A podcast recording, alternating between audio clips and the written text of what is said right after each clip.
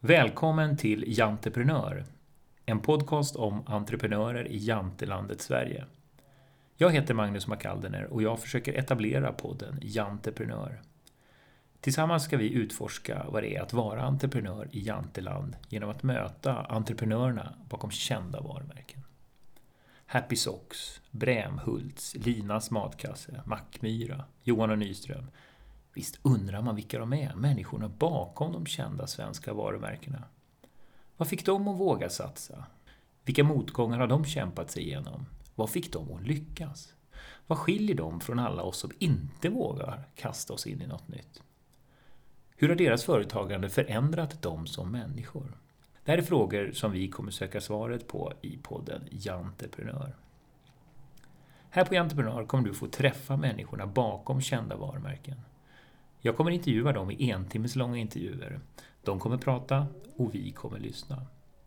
Jantreprenör är helt ideell och det är en podcast om entreprenörer, entreprenörskap och Jantelandet Sverige. För visst är det så att Sverige är ett riktigt janteland. Här får man inte sticka ut. Har man gjort någonting på jobbet som är bra, då är det alltid vi som har gjort något bra. Man ska betona teamet, ni vet, laget för jaget. Ingen är bättre än svagaste länken, säger vi och nickar alla bifallande. Ett annat exempel på det här tycker jag är vårt fotbollslandslag. Finns det något annat landslag där man kan bli hyllad för sitt spel utan boll? Minns ni Klas Ingelsson?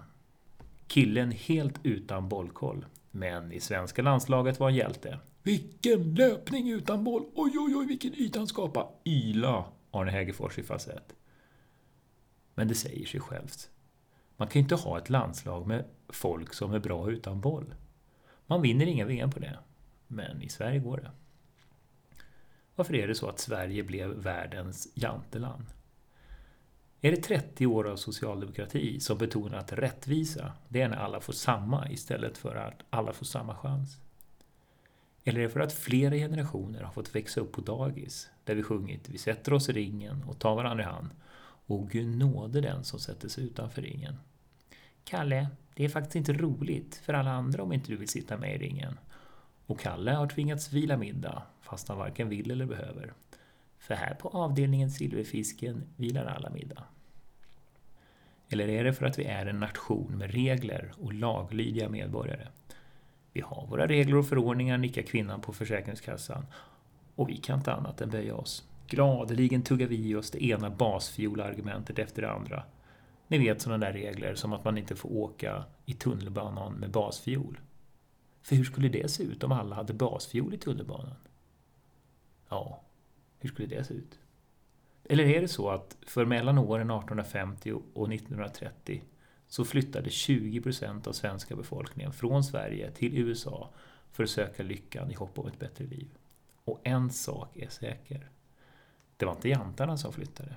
Kvar blev de 80 procent som inte vågade och som tänkte man vet vad man har, men man vet inte vad man får.